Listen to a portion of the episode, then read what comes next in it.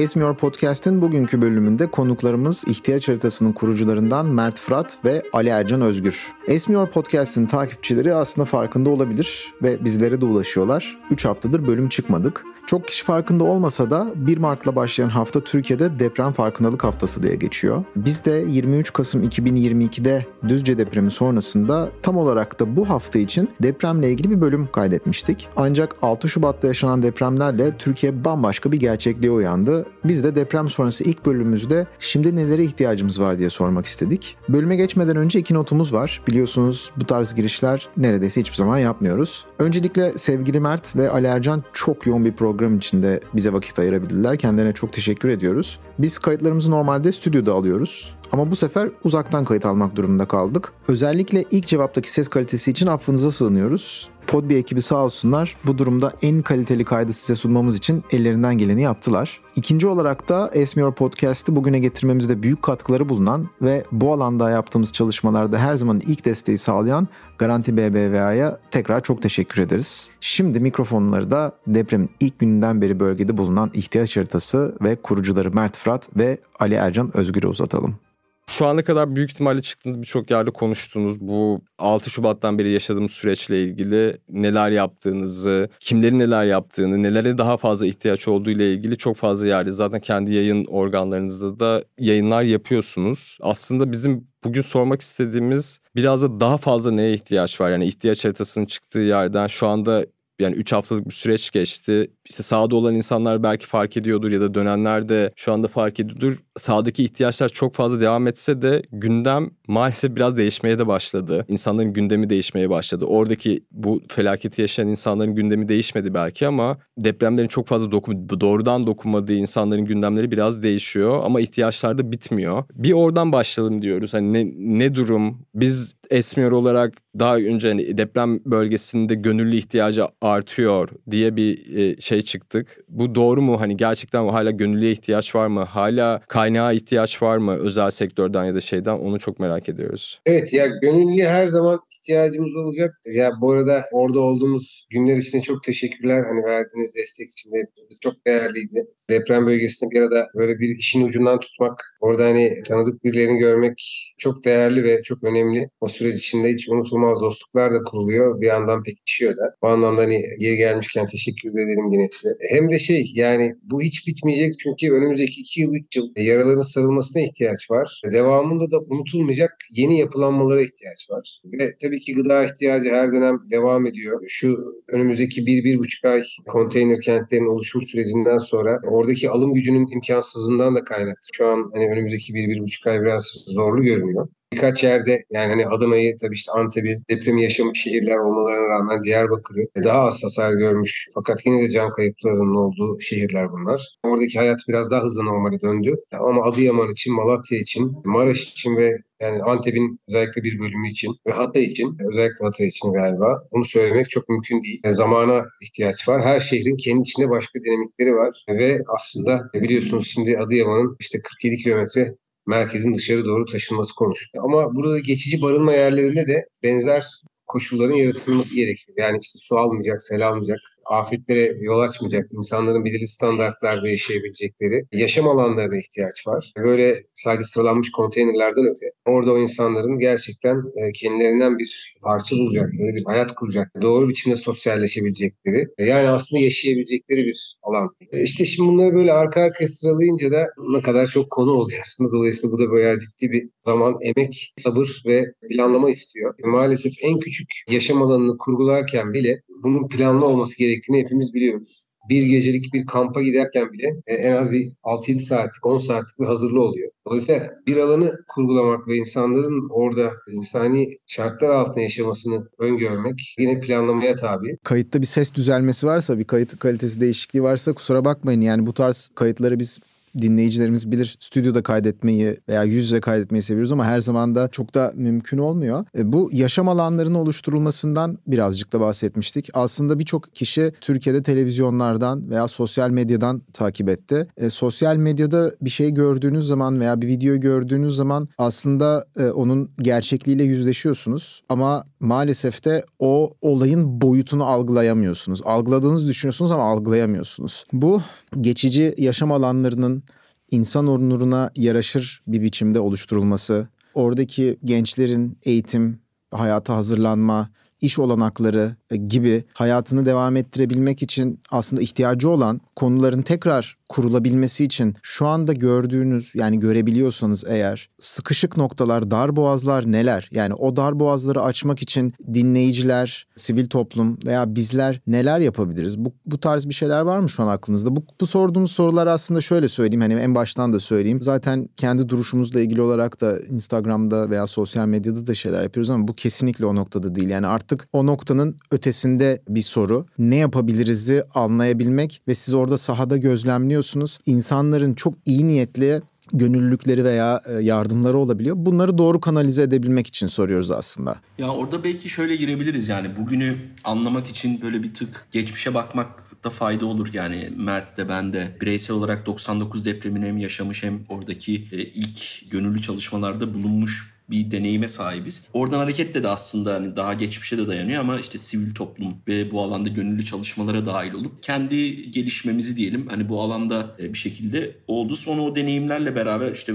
yine benzer büyüklükte Van depremi var. E, zaten onun arkasından biz tanıştıktan sonra ki ilk gün ihtiyaç haritasını kurarken de özellikle afetlerde yaşanan koordinasyonsuzluk bizim ana çalışmalarımızdan biri oldu. Yani ihtiyaç haritasının kuruluşunun arka planında Van depreminin çok büyük etkisi vardır. O dönem yaşanan yine koordinasyon koordinasyonsuzluklar, gelen malzemelerin tırlardan böyle tasnif edilmemiş gelmesi gibi konular vardı. E, o yüzden de ihtiyaçların organize biçimde örgütlenmesi, bunun daha yerel ölçekte e, mahalleden başlayarak bir planlamayla da, dağıtılması gibi konular üzerinden gittik. E, sonra da Elazığ depremiyle başlayan bir süreç yaşadık. Elazığ depreminde e, ihtiyaç haritasıyla beraber 30'a yakın sivil toplum kuruluşu bir sivil toplum afet platformu kurdu ki onun da bir tık geriye gittiğimizde işte Fest ilk sürdürülebilir müzik festivali düzenlemiştik. O zaman yaklaşık 25 sivil toplum kuruluşu da buna dahil olunca bir e, sivil toplum kuruluşları arasında bir diyalog oluşmuştu ve bir WhatsApp grubundan yazışıyorduk, haberleşiyorduk. Şey diye anlatmıştınız o Hatay'dayken de yani normalde Elazığ'a başka bir sebeple gidecektiniz. Başka bir etkinlik valinin davetiyle ama yani maalesef ki deprem oldu. Yine gittiniz ama başka bir sebeple gidip afet platformunun doğmasına sebep oldu gibi bir durum oldu değil mi aslında? Kesinlikle. Bir de başka çalışmalar dolayı da biz işte iş yerlerinin afetleri hazırlığı gibi bir takım projelerde yürütme deneyimimiz oldu. Ya orada afet öncesi, afet sırasında ve afetten özellikle 90 gün sonrası çok kritik. Biz o konularda hem senaryolar çalışarak hem iletişim ağları kurarak hem çeşitli özel sektör, sivil toplum, kamuyla bu konuda farkındalık, afetle ilgili senaryolar çalışarak aslında kendi hazırlığımızı yapıyorduk. Gönüllü tarafıyla da birlikte. Ama dediğin gibi Elazığ depremi bir dönüm noktası oldu. Elazığ depreminde bizler bu sivil toplum kuruluşlarıyla da koordine olarak ama temelde offline olarak e, şehirde ihtiyaç haritası sistemi yine kamuyla o zamanki e, valilik diğer sistemler depo, tırlar onların dağıtım kanalları ama tek bir yerde olduğu için hani bunu daha iyi e, organize edebilmiştik diyebilirim. Sonrasında Edirne'de mülteci krizi, işte sel felaketi Karadeniz'de, İzmir depremi, Bodrum ve Marmaris yangınları derken aslında buralarda hem gönüllü hem farklı afetler ölçeğinde deneyimlemelerimiz oldu. Buna yönelik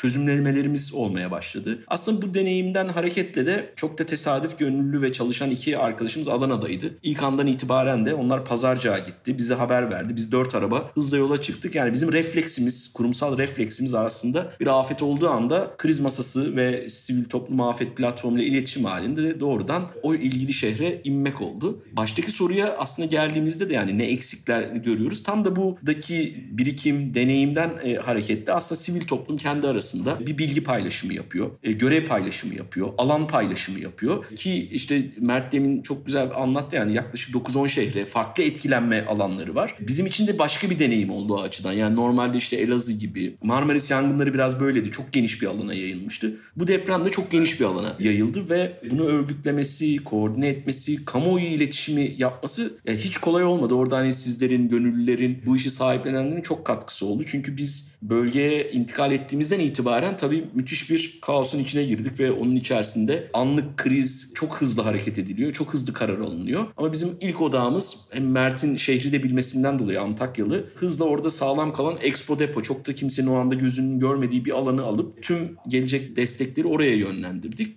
E, ondan sonra da kriz masasıyla koordineli işte gelen yardımlar, oradaki kurtarma çalışmaları, oradaki ekiplerin ihtiyaçları diye günler geçtikçe de koordine olmaya başladık. İşte Maraş'a gittik, Adıyaman'a gittik. E, oralarda depolar kurduk, görev paylaşımı yaptık. Şu an geldiğimiz noktada da hani bu şehirlerde yavaş yavaş bu şey var. Bir tek Mert'in demin anlattığından mesela yakın şehirler, Mersin mesela şu anda yani 500 bini geçmiş bir göç almış durumda. Osmaniye'nin köyleri, Kilis'in köyleri. O anlamda hem bölge içinde çok büyük hareketlilik var hem bölgeden dışarıya doğru çok büyük bir hareketlilik var. Yani çok katmanlı ihtiyaçlar silsilesiyle karşı karşıyayız. O yüzden de biz bilgimiz yettiğince sahadan bilgi, yetmediği ölçekte işte özel sektör, akademisyenler, yine sivil toplumla istişare ederek ihtiyaçları tespit edip kısa, orta ve uzun vadeli aslında planlama ve tasarımlar yapmaya çalışıyoruz şu aşamada.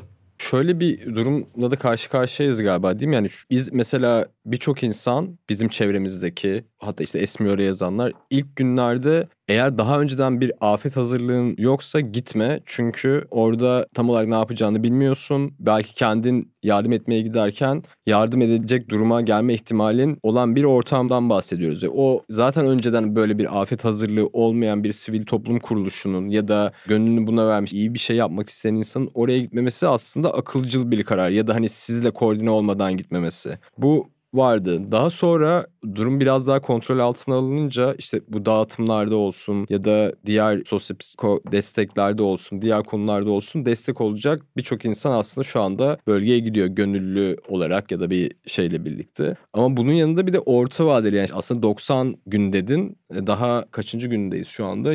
20 20. günündeyiz. 20. günündeyiz. Yani Hı. 20. güne girdik. Daha 90 gün var ve şu anda aslında hala akut olarak yapılması gereken şeyler var ama orta vadeli yapılacak şeylerin de planlaması için birçok kuruluş aslında devreye girebilir durumda. Burada yani aslında buradaki gruplar da toplanıyor. Aslında dün işte bu hafta sonu da şu anda biz bu kaydı pazartesi günü yapıyoruz. Bu hafta sonunda birçok grup bir araya geldi atölyede mesela. Biz neler yapabiliriz? Hali hazırda yapan ihtiyaç haritası gibi, ahbap gibi ya da diğer afet kuruluşlar platformu. gibi afet platformundaki bulunan diğer kuruluşların yaptığı şeylere nasıl destek olabilir yapabiliriz diye kafa patlatmaya da başladılar. Burada bizim kaybolduğumuz yer aslında yani birçok insanın da bize sorup kaybolduğu yer hani tam olarak benim işlevim ne? Hani ben ne yapabilirim noktasında ya da yapmalı mıyım? Her şey kontrol altında mı? Hani ihtiyaç haritası zaten bunu yürütüyor ya da diğer kuruluşlar yürütüyor.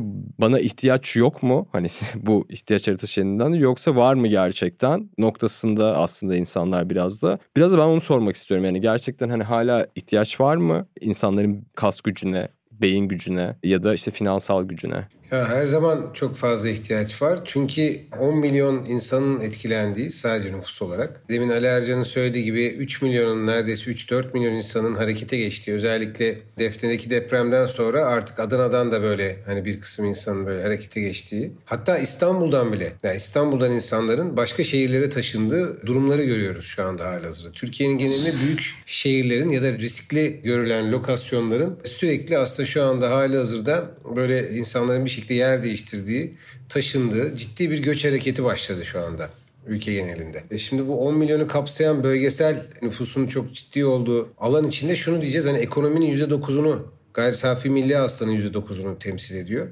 Dolayısıyla sadece bu depremin ilk 15 gününde 17.9 milyar dolarlık bir kayba işaret ediyor.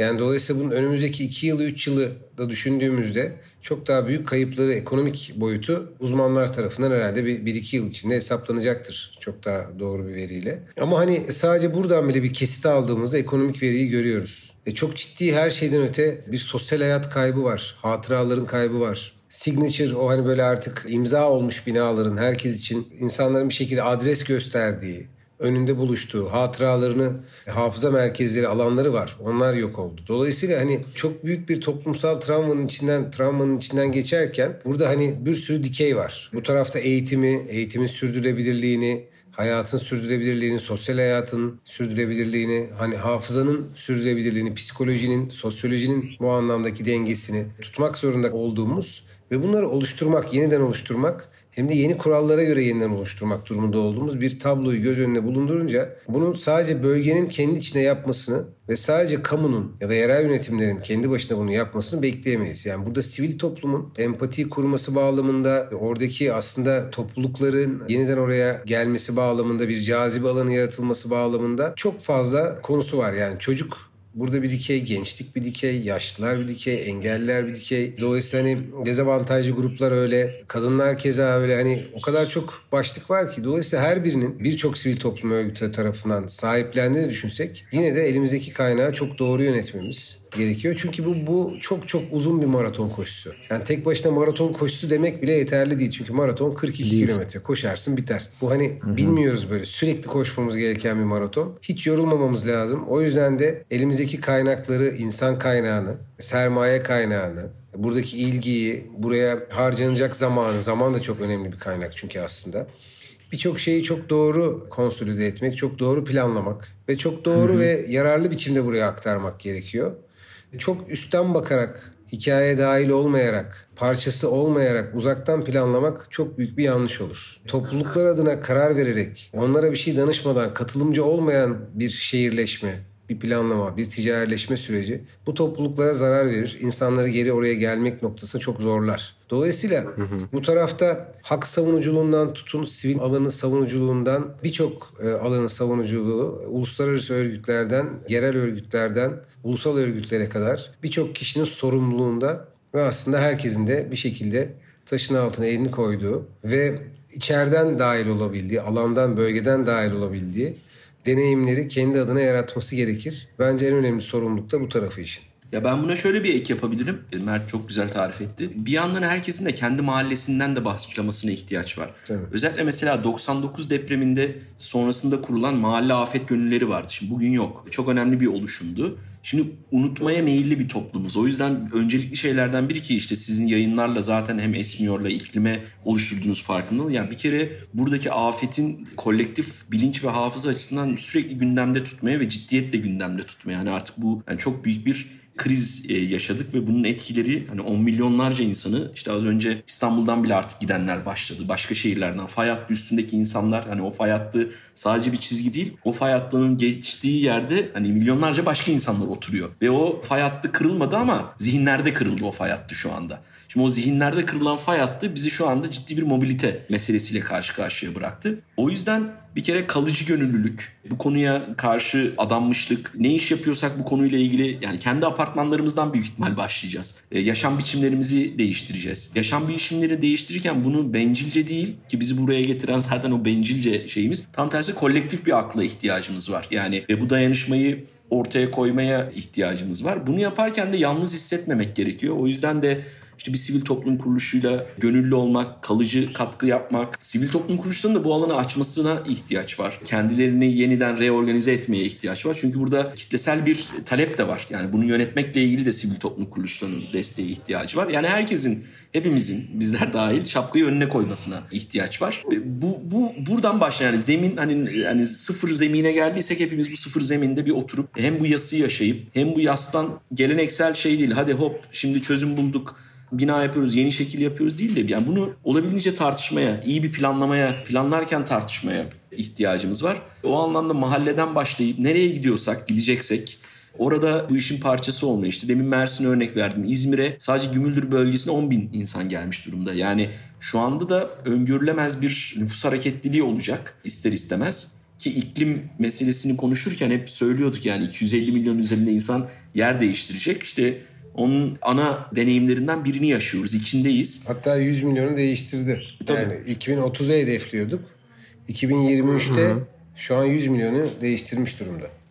Bu arada benim bağlantı kurduğum noktalardan bir tanesi de iklim değişikliği, iklim krizinin neden olduğu felaketlerin aslında bildiğiniz gibi iklim adaleti meselesinden dolayı daha dezavantajlı grupları çok daha fazla etkilemesi durumu var. Bence bu afette de gördük. Yani ekonomistin son yaptığı mesela Maraş özelinde bir analiz yaptığında daha aslında sosyoekonomik olarak düşük mahallelerin daha çok etkilendiği ve yani bilmiyorum belki siz de sağda onu da görmüşsünüzdür Yani aslında şu andaki o bölgelerde kalan insanlar da hani belki o göç imkanı olmayan insanların kaldığı söyleniyor. Belki yanlış bir tespit ama hani aslında bu hani afetlerden etkilenme durumundaki bu iklim meselesiyle depremde şu anda yaşadığımız durumun bağdaştırdığım noktalardan bir tanesi de bu benim aslında. O yüzden aslında Mert senin dediğin gibi hani her grubu ele almamız lazım. Çünkü orada çok fazla kırılgan başka grup var ve onların aynı şekilde etkilendiğini de düşünmüyor olmamız lazım. Çünkü daha fazla etkilenen bu durumdan etkilenme ihtimali olan insanlar da vardır diye düşünüyorum. Evet yani tabii şöyle bir şey var. O tarafta bir yandan da hani deprem öncesi zaten ekonomik olarak etkilenmiş ya da ciddi bir göç hareketiyle aslında demografisi yer yer değişmiş bir alan da var.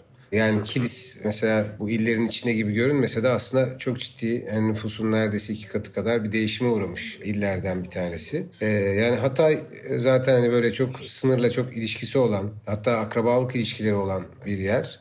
Yani o tarafta böyle bir yapı var. Antep yani o bölgenin neredeyse hepsi şehir şehir bambaşka bir ağı ve yapısı var. Yani demografik bir yapısı da var. Burada tabii şimdi şöyle şeyler de oluyor. Hani mahallelerin birbirleriyle kurduğu ilişki tam şimdi Ali Ercan'ın dediği gibi bir mahalle yapısı var, örgütlenmesi var aslında normal olarak insanların yaşadığı. Aynı ilkel komünel toplumlar gibi aslında mahallelerde böyle bir bütünü oluşturuyor. E onların da bir semti var. Yani semt dediğimiz şey aslında hani bir 6-7 mahalleden oluşan ve bir semt eden bir durum da var. O semtçilik var. Hani oraya sahip çıkmak, oraya bir aidiyet oluşturmak. E, köyle kurulan bir bağlantı var. E, o köyle kurulan hatırat, kurulan bağlantı, oradaki işte ilişkilenme biçimi falan bambaşka. Şehir merkezine doğru kurulan bir duygu ve bağlantı var. Şimdi biz kendi yaşadığımız şehirlerden hareketle böyle düşündüğümüzde semtimize gittiğimiz, ayırdığımız bir vakit var. Şehrin merkezlerine indiğimiz çeşitli merkezleri var. Orada geçirdiğimiz vakit var. Dolayısıyla bunların hepsinin başka duygu durumları ve ilişkilenme biçimleri var. O toplulukların yoğunlukla ziyaret ettiği alışveriş merkezleri var. Biz biliyoruz hani nerelerde nasıl bir kitleyle karşılaşacağımızı. Yani Taksim'deki bir alışveriş merkezine gidince ne olacağını, Sarıyer'de bir yere gittiğimizde ne olacağını ya da e, Nişantaşı tarafında bir yere gideceğimizde ne olduğunu filan kitleye dair bir şeyimiz var. Şimdi bütün bu var olan mahalleyle, semtle, şehir merkezle ve yapıyla kurulan ilişkinin bir anda sıfırlandığını düşünün. Yani işte orası hata yani hani sizler de gördünüz. Hı hı, evet. Bütün bu kurduğumuz bağların zihnimizde böyle bir şey canlandırıyoruz. Bir zihinde ben bunları anlatırken bile benim gözümün önüne bazı şeyler geliyor. Sizin de öyle. E şimdi o evet kitleler ve mahalleler, semtler arası o bağlantının bir anda koptuğunu düşününce ilişki kurma biçimleri ve öncelikler de değişmeye başlıyor. Yani şimdi beklentiler, düzeyleri hani insanların artık bir konteyner kentte ya da bir yaşam alanında yaşamaları ya da çadırda hatta bazen bir çadırı bile bulamama durumlarıyla şu anda karşı karşıyayız. Dolayısıyla bu bir hı hı. statüye işaret eden bir yerden bahsetmiyorum. Bu tamamen bir psikoloji. Hı hı. Neyi seçtiğinizle ilgili ama. Yani bu neyi seçtiğinizle ilgili. Bu bir seçim değil, bu bir tabi olma. Eğer insanları bu biçimde yaşamaya tabi ederseniz tabii o zaman bambaşka bir durum oluşur. İşte o zaman psikolojiler değişir, her şey e, değişir. Bütün ilişki kurma biçimleri, bütün bizim böyle ismini koyduğumuz mahalle, semt, şehir, merkez bilmem ne bunların hepsi kayar. Yani çünkü bunlar bize aslında öğretilen bir çeşit şehir bazlı, kent bazlı küçük örgütlenme biçimleri, sınıflandırma biçimleri. Yani dolayısıyla en temelde şuraya getirmeye çalışıyorum konuyu. İnsan tekinin ne kadar önemsendiği, ne kadar kendini değerli ve iyi hissettiği, iyi olma hali. Yani insanın iyi olma hali bütün bunları belirliyor. Hangi etnik sınıfa, hangi halka, hangi aidiyete, kendini nasıl tanımladığına falan hepsinden hariç. insan diyor ki ben bir insan teki olarak şimdi burada ne kadar önemseniyorum. Güvenliğim, sağlığım, hmm. gıdaya erişimim, her şeyim ne kadar, hmm. nerede, ne düzeydeyim. Yani işte onu biraz değerlendirip anlamak için biraz bu sorudan yani en temel yerden başlamak gerekiyor diye düşünüyorum başında da aslında söyledin ya sanki böyle hani Lego şehirlermiş ki de bunlar. Hani bir daha hemen inşa edelim ve sanki bir inşaat projesiymiş sanki gibi. bir inşaat yani bir kent bir inşaat projesi değil. Kent yaşam alanı oturduğun yer sadece bir shelter barınak değil aslında. Hani başka bir şeyi ifade ediyor ya. Onu hiç düşünmeden girişilecek çabalar da belki hani başka bir soruna neden olacak diye düşünüyorum. Şöyle de bir şey var. İnsanların aslında yaşam dünyası, günlük rutini, hatıraları, hayalleri ve bir anda yok oldu. Şimdi fiziksel olan, fiziksel yıkımı onarmakla ilgili işte yine fiziksel çözümler düşünülüyor doğru veya yanlış. Ama insanların hatıralarını, yıkılan duygularını, geleceğe dair umutsuzluğunu onarmak kolay olmayacak. Yani bunu bilerek, bununla duygudaşlık kurarak bir yerden acele etmeden hareket etmeye ihtiyaç var. Aslında bu acelecilik hepimizin belki hissettiği çaresiz çaresizlikle de uyumlu. Yani bizler oraya gittik, sizler geldiniz. Hani orada olduğunuzda çok başka bir duygunun içinde oluyorsunuz. Çıkıp tekrar kendi güncel hayatınızda bundan diyelim ki daha az etkilenmiş insanlar olarak diyelim. Hani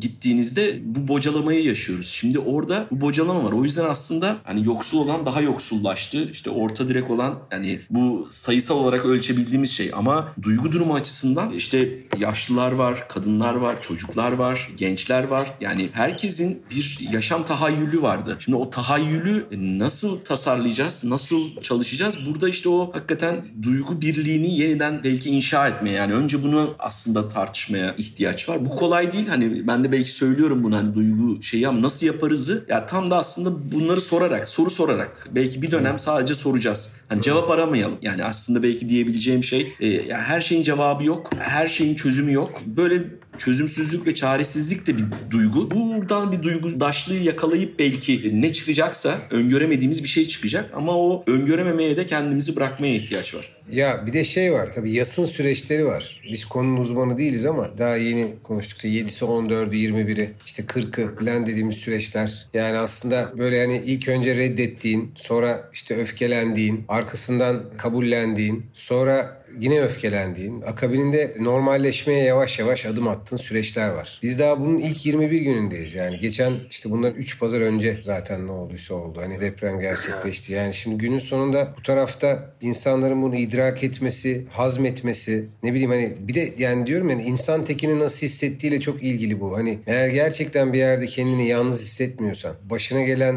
her şeye rağmen bir şekilde ayağa kalkmayı düşünebiliyorsan bu seni bir yerden başlatıyor. Ama öyle konular var, öyle örnekler var ki şimdi bu konunun içine yani tek başına kalmış aileler var. Yani bir kişiden artık oluşan aileler var. Yani dolayısıyla bu bir kişinin hikayesi bile bizi aşırı derecede demoralize edebiliyor. Yani dolayısıyla o empati kurduğun yerden diyorsun ki ya şimdi ne olacak? Yani dolayısıyla tam Ali Ercan'ın dediği gibi biz o kişiyle empati kurduğumuz ölçüde varız. Sivil toplum dediğin şey o zaten hani bir tarafıyla hani bu kadar açık, kalbimizin bu kadar açık, bu kadar empati kurduğu ve herkesi anladığımız yerde hani kimseyi geride bırakmadan diyoruz ya o işin edebiyatı değil yani gerçekten kimseyi geride bırakmadan. Yani şimdi dolayısıyla buradan doğru anlayınca da hikayeyi o zaman diyorsun ki evet ya bir durmaya da ihtiyaç var. Herkesin aynı noktaya bizimle birlikte gelmesini bekleyemeyiz. Yani hani birisi yasını 3 ay yaşar, birisi 1 yıl yaşar. Biri 5 yıl yaşar, biri ne bileyim 2 gün sonra artık başka türlü bir savunma mekanizmasına geçer. Belki de hayata bir iki günde döner. Hani hangisi doğru diye bir şey yok. Çünkü bu en kadar vaka varsa en kadar da bunu anlayacağımız reaksiyon var. Çünkü çok şükür hepimiz biriciyiz. Yani bir insan tekiyiz ve biriciyiz. Hiçbirimiz birbirimize benzemek durumunda değiliz. Şimdi buradan hareketle biraz daha hani vakit anlamak, takip etmek ama insanlar en önemlisi yalnız hissettirmemek. Her zaman bir yerde onları dinleyecek, destek olacak birilerinin olduğunu farkına vardırmak. Bu hayata yeniden başlayabilecekleri fırsatların, imkanların bu ülke tarafından onlara verildiğini bir şekilde hissettirmek. Yani bu ülke burada şu anda bu işin mağduriyetini yaşayan 10 milyona ya da işte buradaki 5 milyona 6 milyona diyelim daha da daraltalım diğer tarafa. Hani imkan sağlayabilecek durumda olmalı. Ki öyle. Yani çok rahatlıkla biz şu anda bu 6 milyon insanın, 5 milyon 6 milyon insanın hayata yeniden dönmesini, onların kendi süreçlerini tamamlama evresinden sonra ve onunla eşgüdümlü olarak sağlayabiliriz. Onu sağlayabilecek bir güçteyiz. Dolayısıyla en temeldeki şey dediğim gibi hani insanların yalnız ve çaresiz hissettirilmemeleri, işte gıdaya, onu sürdürülebilir şekilde erişimine, barınmaya, temel yaşam haklarına yani tek tek saymamıza gerek yok. Yani temel yaşam haklarına sahip olmaları en iyi düzeyde, en üst düzeyde. Razı gelmek değil, sahip olmalarına ihtiyacımız var. Ve aslında böyle geleceğe dair de bir umuda ihtiyaç var. Yani en sayıda vaka var ve en sayıda da insan bunu farklı şekilde yaşıyor. Belki hiçbir kaybı olmayan bir insan bile hani ben şimdi ne yapacağım sorusunu sorduğunda mesela bir cevap verecek bir mekanizmaya da ihtiyaç var. Yani sadece oraya çadır kent konteyner koyup işte en temel basic ihtiyaçlara vermek tabii ki önemli ama en sonunda hani ben şimdi geleceğim için ne yapacağım mı en azından buna düzgün bir cevabı oluşturacak ona da gücümüz olduğunu düşünüyorum ben. Türkiye olarak işte sivil toplumuyla bütün diğer kurumlarıyla. Bu da bir alan diye düşünüyorum yani çünkü sonuçta oralar yeniden inşa edilecek bir gün. Hani hızlı olmaya gerek yok dedik ama o inşa edilmenin sonunda da gerçekten o insana vereceğimiz bir umuda ihtiyacımız var yani aslında. Ve birbirimizi anlamaya aslında ihtiyaç var. Yani biz bu bölüme gelirken ihtiyacımız ne diye sorarak birazcık da hani ihtiyaç haritasından da böyle bir kelime oyunu yapmak suretiyle gelmiştik. Benim burada yani sizlerden aldığım en kalbime dokunur şey bazen kendi hissettiğimiz çaresizlik anlarında ahkam keser tadında şöyle olsaydı böyle olsaydı şunu yapsaydınız gibi bir tavırda takınabiliyoruz ama bazen Ali Ercan'ın da dediği gibi bir durup anlamak noktasında o yası yaşamak noktasında çünkü bu arada hani en örneğinden gittik ama yani bir kişinin kaybı ne kadar çok kişide çok derin ve belki de hayat boyu gitmeyecek bir delik bir yara açıyor aslında ve yani hepimizin tanıdığı kayıplar maalesef de yaşandı. Bu şekilde de belki de bir empati de kurabiliriz benim hani aslında bu yayından ve sizlerden şu anda anladığım hani uzun vadeli olarak motivasyonlarımızı ve zamanımızı yani ekonomik olarak da çok kolay bir ülkede de yaşamıyoruz. Ohio'da belki bir ekolojik bir kriz yaşandı belki duymuşsunuzdur. Ona ilişkin bir haber izledim. Ohio'daki ilgili bölgenin bütün yaşayan kişiler otellerde şu anda barınıyor. Böyle bir şey yapma fırsatımız da yok bizim aslında. Afetin büyüklüğüyle de bağlantılı Alif, olarak. A, tabii yer. ki de afetin büyüklüğü de bağlantılı da olarak ama oradan gönüllü olarak bölgeye gidecek kişilerin sadece bir ay, bir hafta olarak değil, geleceğe yaygın olarak da bunu planlayabilmeleri, çevresindeki kişileri de mobilize edebilmeleri de çok önemli. O yüzden hani motivasyonlarımızı ve ilgimizi de buradan kesinlikle çekmememiz gerekiyor belli bir süre boyunca. Ben hani bu kayıttan aynı zamanda da bunu da anladım ihtiyacımız olarak. Ve ya belki şunu eklemekte fayda var. Çok da güzel bir yere aslında değindin, altını çizdin. Ya biz o ihtiyaç haritasını ilk kurduğumuzda da hep online imece, insanların yani herkesin yapabileceği bir şey var duygusu. Böyle dönemlerde yani işte bu para para para konusu bazen çok gündeme geliyor. Yani, yani